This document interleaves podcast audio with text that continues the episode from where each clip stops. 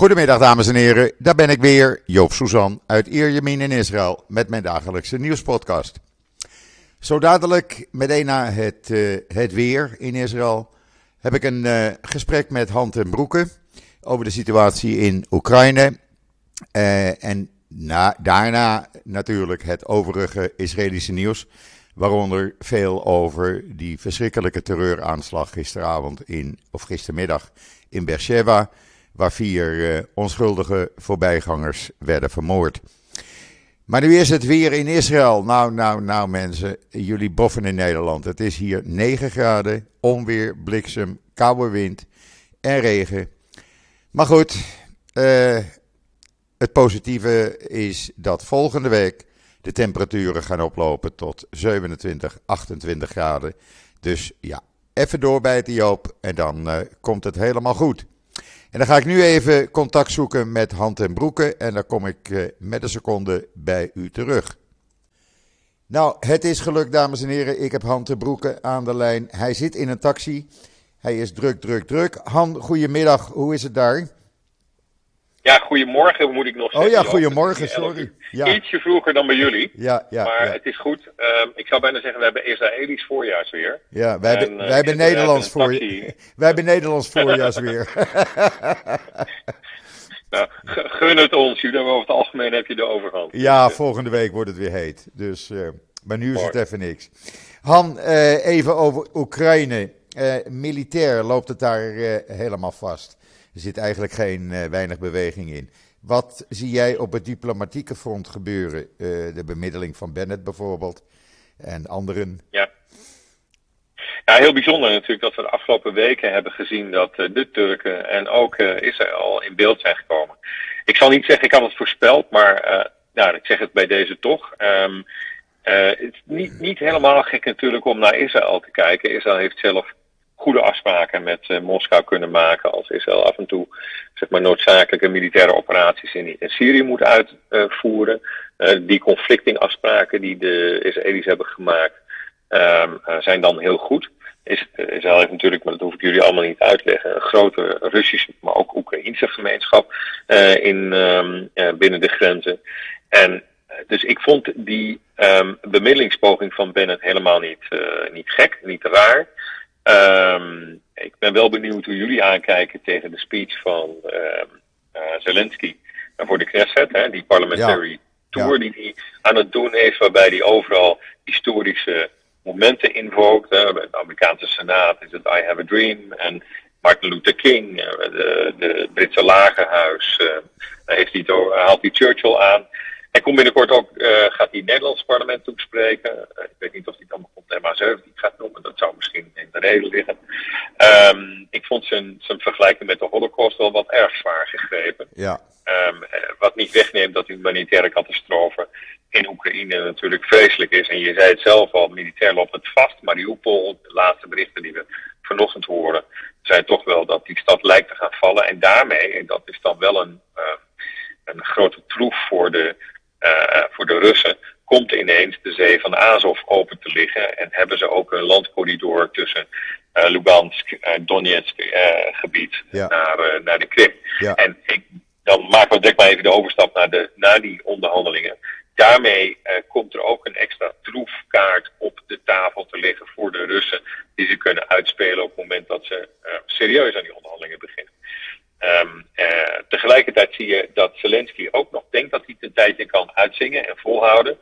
Uh, Kiev wordt wel belegerd. Er is vandaag een brug uh, vernietigd door Ja. de Russen, Ja. waar veel humanitaire goederen op konden binnenkomen en tegelijkertijd mensen weer naar buiten konden gaan. Dus als er een beleg van Kiev overheen komt, ja, dan, dan wordt de situatie voor Oekraïne, zoals je het zo mooi zegt, uh, wordt dan um, heel erg, um, uh, ja, ja, wordt dan toch wel heel erg benauwd. Uh, het komt een keer van onderhandelingen, daar, daar hopen we allemaal op.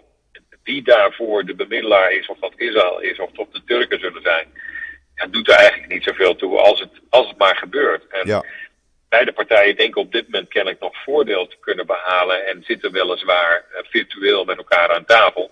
Maar er worden nog niet de echte concessies gedaan. Hoewel, twee lichtpuntjes. Ik zie aan Russische zijde dat er niet of nauwelijks meer wordt gesproken over denazificatie. Je zou dat kunnen vertalen als men ergens het realistische besef heeft opgevat dat Zelensky niet zomaar verdwijnt en zijn regering ook niet.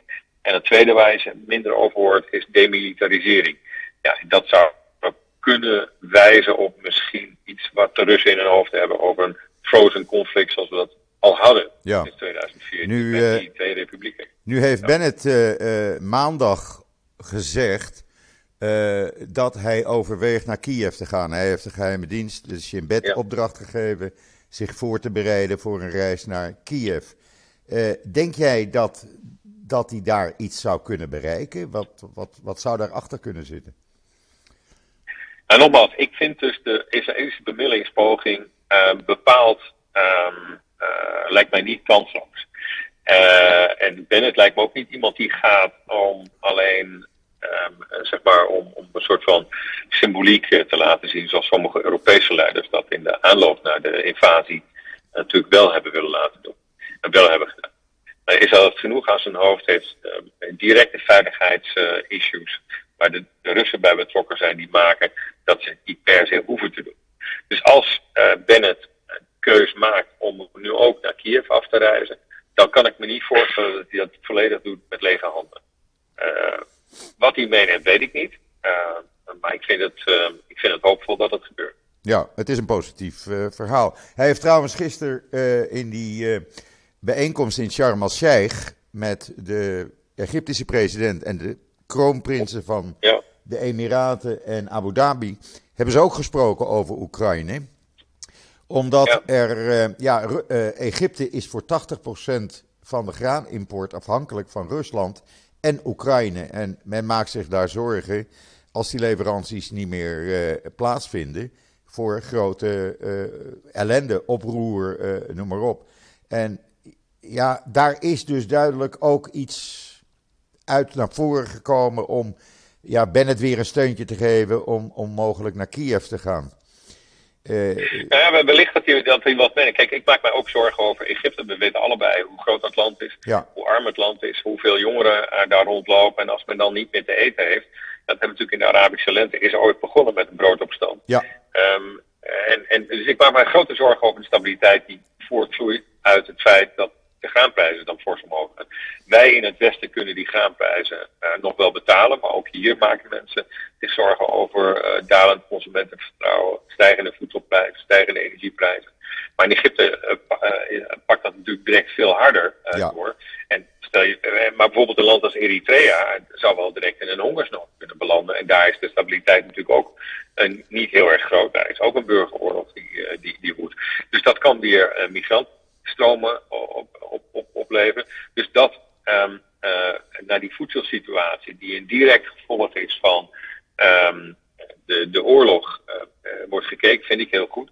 En laten we hopen dat dit ook weer een aanleiding is voor de Arabische wereld om de relaties met Israël nog verder te verbeteren. Want als er nou één land is dat landbouw mogelijk kan maken in de in de woestijn, dan is het, um, uh, is het, is het Israël wel. Ja. Wij hier in Nederland hebben natuurlijk de Landbouwuniversiteit van Wageningen. We doen het met natland, jullie doen het met droogland. Samen zouden we het voor de hele wereld kunnen doen. Ja. Dus ja. Uh, sla ik wat op hol misschien. Nou, nee, nee, nee, nee, maar het is wel zo. Nou, de samenwerking die wordt steeds beter met de Arabische landen. En uh, zelfs met Qatar wordt er af en toe gesproken. Uh, het gaat allemaal de goede kant op. Uh, dus wat dat betreft ben ik niet zo uh, negatief, alleen maar positief daarover. Ja, het, het, wijst erop dat voor iedereen eigenlijk het einde van die oorlog het allerbelangrijkste is om verdere schade voor de hele wereld te voorkomen. Zo is het. Um, dit is voorlopig, zou je kunnen zeggen, een regionaal conflict, maar wel een regionaal conflict in het hart van Europa. Um, het moet ook een regionaal conflict blijven. Het, het, is doodgevaarlijk op het moment dat, en dat zou een way out voor Poetin zijn, dat hij de NAVO hierin weet te betrekken. Ja. Er worden natuurlijk al weken uh, vervelende uh, verhalen uh, die een voorwendsel zouden kunnen zijn voor een, nou, een ongeluk in een biologisch lab of een, een, een klein tactisch kernwapen wat tot ontploffing zou kunnen worden gebracht. Het is werkelijk ondenkbaar dat we ooit in deze termen uh, moeten spreken, maar we doen het wel. Het is een realiteit waarmee we te maken hebben. Ja. Laat ik er één ding van zeggen. Als dit in ieder geval één gunstig effect heeft, is dat het veiligheidsbewustzijn in Europa nu met rapper schreden aan het groeien is. En ja, ik denk dat ik veel Nederlanders in Israël dit met mij kunnen meevoelen. Ja. Als ik nu nog aan mijn opa zou kunnen vragen: Goh, wat zou jij ervan vinden als Duitsland aankondigt dat het gaat herbewapenen en dat het 2% van zijn nationaal inkomen aan defensie gaat uitgeven? Nou, dan zou hij dat niet hebben geloofd en hij zou waarschijnlijk zeer bezorgd zijn geweest. En heel Europa staat nu op de banken en is uh, applaudisseerd voor deze Duitse inzet, die waarschijnlijk ook door landen als Nederland zal worden gevolgd. Ja, het zal wel moeten. De realiteit heeft, het zal wel uh, moeten. heeft Ja. alles ingehaald. Nou ja, geopolitiek is nu een realiteit voor het postmoderne Europa aan het Ja. worden. Ja. Ik, uh, maar goed, je kent mijn, mijn uh, evangelie zou ik bijna willen zeggen op dat vlak. Ja, ik hoop dat geopolitiek vanaf nu ook echt in onze binnen- en buitenlandse politiek gaat worden ingeprijsd. Want dat Ja, zal, uh, dat zal zal echt, noodzakelijk zijn. zal echt noodzakelijk zijn. Ja, ik kan er nog steeds niet aan wennen hier aan het nieuws. Elke keer beginnen ze hier het radio- en te- televisienieuws met oorlog in Europa. Het gaat niet over oorlog in Oekra- Oekraïne, oorlog in Europa. En dat hoor ik al vier weken. Ja. En ik kan er niet aan wennen. En moet je voorstellen dat dan het tweede nieuwslijn is dat Israël vervolgens daar de vredestichter is. Ja. Het is een totale omkering Ja. van wat jullie allemaal hebben meegemaakt. Ja, en als je dan ziet dat veldhospitaal eh, door burgers bemand in Oekraïne. Ik vind dat toch wel eh, iets heel bijzonders dat Israël dat toch weer voor elkaar krijgt. Ze hebben zelfs, Ja, de, ze hebben zelfs de, de, de positie doorgegeven aan de Russen. Om het niet te bombarderen. Ja, nou, dan moet je alleen maar hopen dat de Russen zich daar ook aan houden. Want zowel in Syrië als eh, in de jaren 90 in Grozny, eh Tsjetsjenië hebben we gezien dat ze zich daar weinig eh, aan gelegen laten liggen. En ook nu in Mariupol weten we dat ze humanitaire konvooien hebben beschoten. Ja. De directeur van het Rode Kruis is op dit moment in, ik dacht in Moskou. En die is daar niet voor niks natuurlijk, om toch het humanitair oorlogsrecht, wat, wat, wat er door de Russen zo makkelijk geschonden wordt, eh, om, dat, eh, eh, om dat weer onder de aandacht te brengen. Ja. Daar heeft Israël natuurlijk ook ervaring mee. Hè? De hoeveelheid kritiek die jullie altijd krijgen op het moment dat je in mijn ogen ehm, zeer met beleid optreedt in de Gaza-strook. Ehm, nou ja, Israëlische vliegtuigen die gaan niet eerst een knock on the door eh, strategie toepassen. Die schieten. Ja, ja. Nou ja, goed. eh, we kijken wat er gaat eh, gebeuren de komende dagen. Het wordt allemaal heel spannend. Het wordt, eh, ja, politiek gezien heel spannend. En laten we hopen dat er snel een einde aan die oorlog komt. Dat hoop ik met je, van harte met je mee. Ik- Ik, denk dat de hele wereld dat op dit moment doet. We snakken. Absoluut, absoluut. Ik dank je voor je tijd, Han. Ik weet dat je druk bent en ik stel het bijzonder op prijs dat je even de tijd nam om ja, mijn 249.000 luisteraars te, eh, een beetje uitleg te geven. Er zijn avonden dat ik minder publiek heb. Dus uh, Joop, zeer bedankt. Oké, gauw tot ziens. Oké joh. Da- Hoi. dag Han, dag. Dag, dag.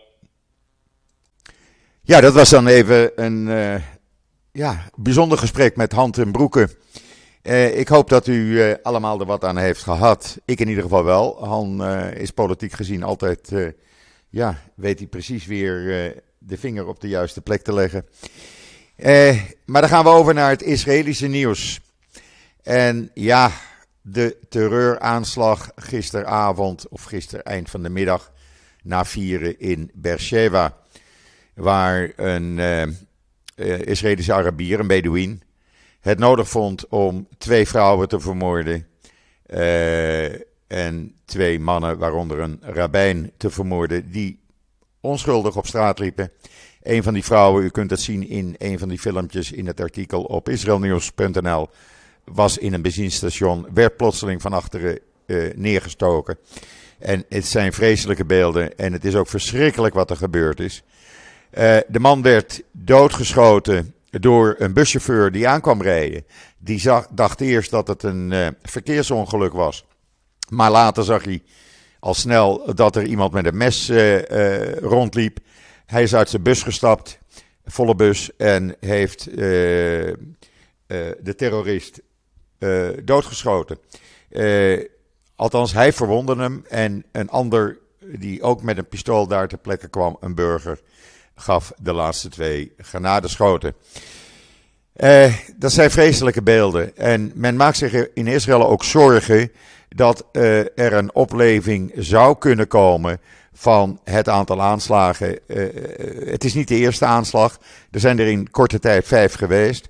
En het punt is dat Ramadan gelijk valt met Pesach, het Joodse paasfeest, en Pasen. En uh, die Ramadan-periode is nooit een rustige periode. En koning Abdullah van Jordanië, die gaat uh, de komende dagen ook naar Ramallah toe om uh, met de Palestijnse leiders te overleggen hoe dit geweld in toom kan worden gehouden. ik had gezegd, er zijn vier doden te betreuren. er zijn ook nog twee mensen in ja, zwaar gewond in het ziekenhuis. Maar hun toestand is stabiel. En dan zie je de slachtoffers. En dan zie je die, dat het twee moeders zijn van drie kinderen. Uh, Doris Jachbas, 49 jaar, uit Moshav Gilad, vlakbij uh, Beersheba en Ofakim. Uh, die werd gedood in een kledingwinkel. En dan uh, Rabijn Moshe Kravitsky, die werd door de terrorist op zijn fiets overreden. Uh, was een gabatrabijn die heel veel deed voor arme mensen, een voedselkeuken had. Uh, en van alles en nog wat deed om mensen te helpen.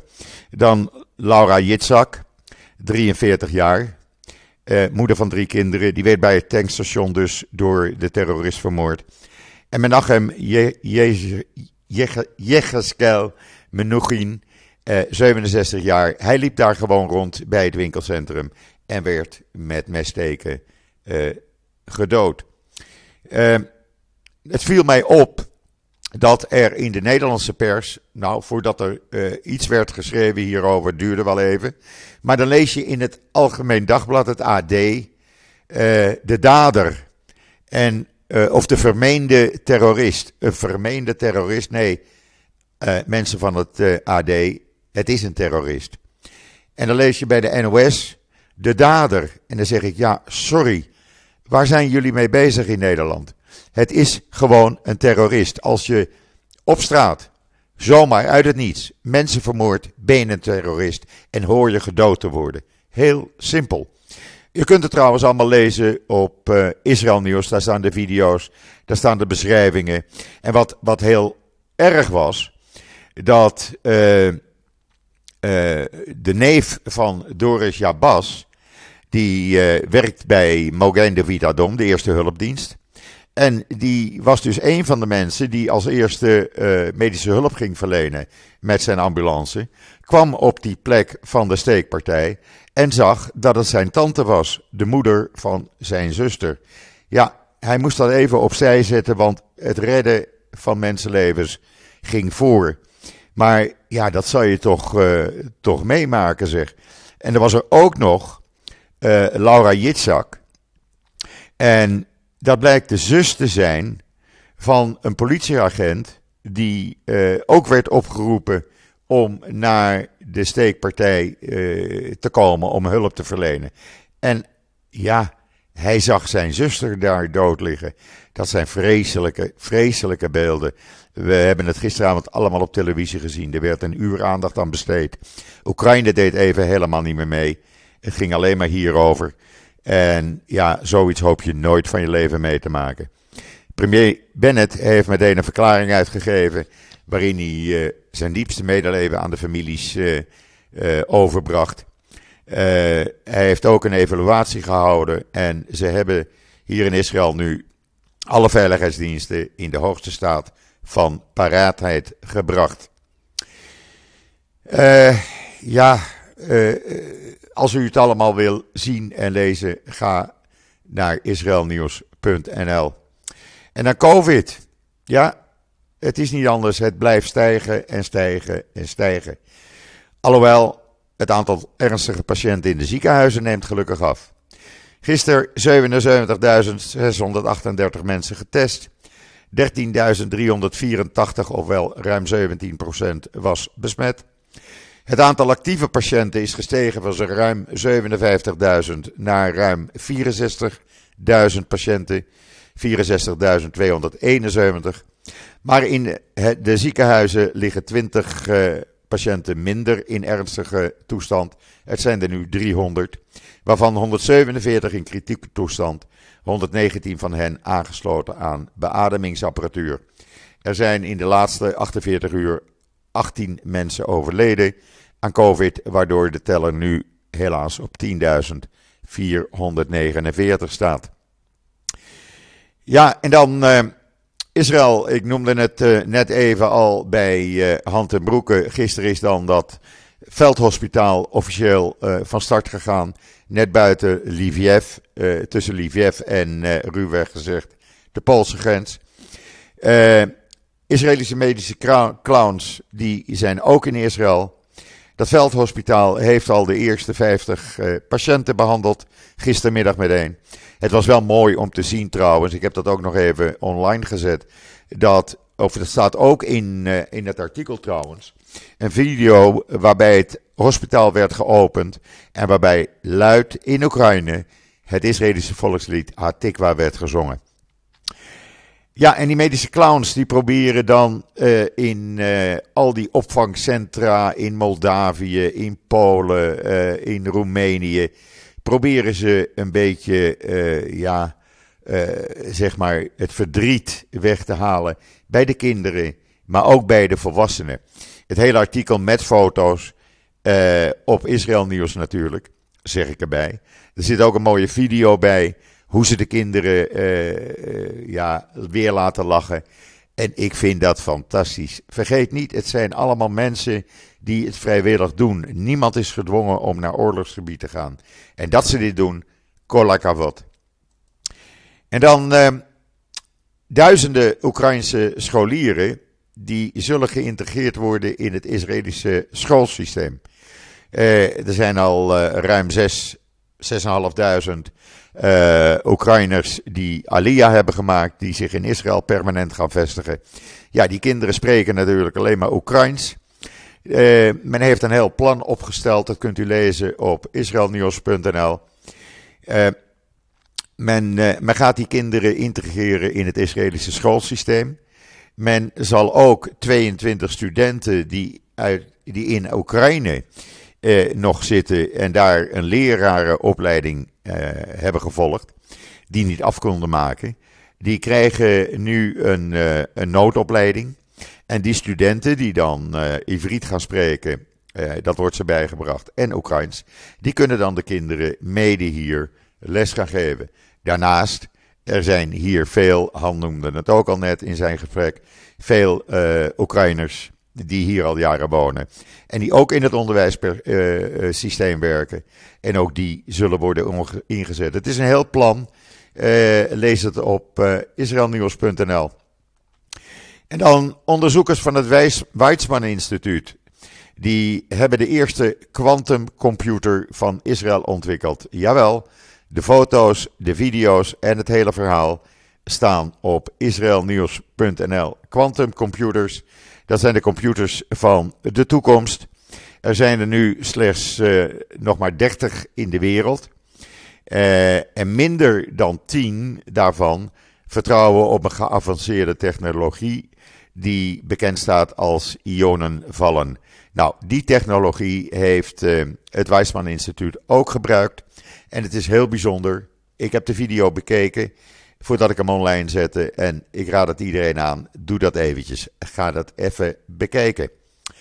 En dan, ja, een leuk Israëlisch onderzoek wijst uit dat het gebruik van emotions, u weet wel die uh, uh, lachende, huilende, uh, gekke gezichtjes, op het werk, dan toon je dat je minder macht en gezag hebt.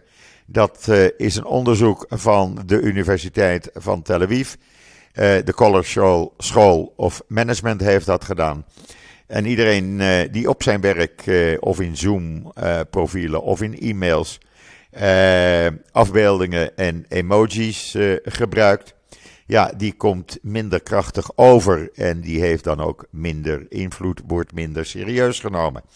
Ik wist het niet, ik denk jullie ook niet, maar zo weten we dat allemaal weer dankzij dat onderzoek van uh, die Israëlische universiteit.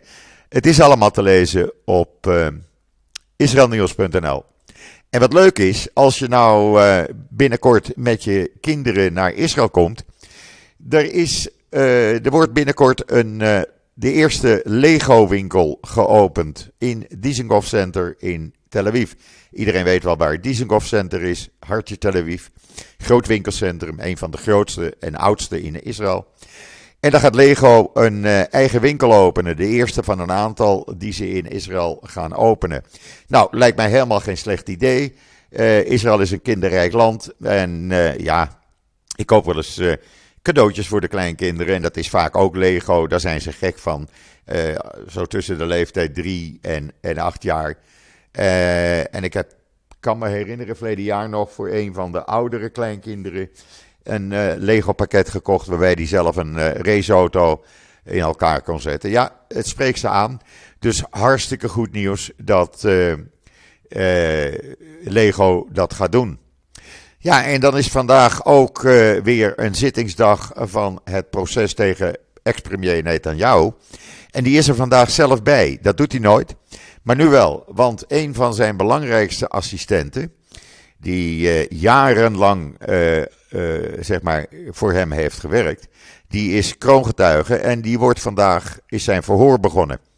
En ja, die heeft al het een en ander losgelaten.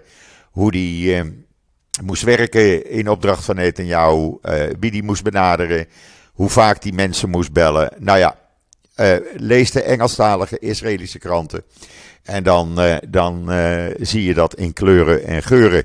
Maar deze getuigenis, uh, als die zou worden, is afgerond. Dan ziet het er niet goed uit, zeggen alle media in Israël voor Netanyahu.